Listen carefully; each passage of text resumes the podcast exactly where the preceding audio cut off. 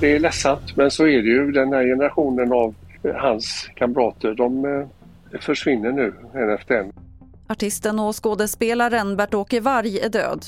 Ingen gripen efter dödsskjutning i Vällingby och stökig nyårsnatt på flera håll.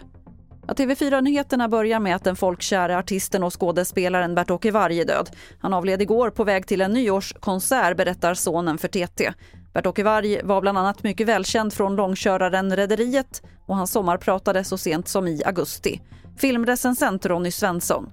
Jag tänker att han eh, tillhör den generationen av skådespelare som kändes väldigt trygga och som alltid fanns där i tv-rutan när man satt hemma och kollade. Bert-Åke Varg blev 90 år gammal. Polisen har ännu inte gripit någon misstänkt efter skjutningen i Vällingby i västra Stockholm igår kväll då en man i 20-årsåldern sköts till döds.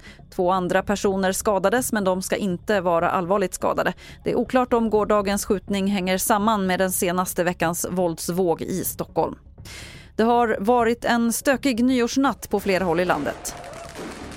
I Skåne besköts flera personer av raketer och även lägenheter och bilar drabbades. En man misshandlades i Burlöv under kvällen efter att ha sagt till personer att sluta skjuta nyårsraketer. Ja, nyårsafton blev minst sagt stökigt på flera håll, framförallt i södra Sverige. I Stockholm skedde ett brutalt mord på en 20-årig man på en snabbmatsrestaurang i Vällingby.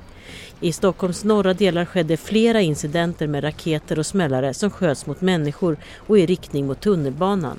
I Rissne blev även poliser beskjutna med raketer. Reporter här var Jessica Josefsson. Och fler nyheter det hittar du på tv4.se. Jag heter Lotta Wall.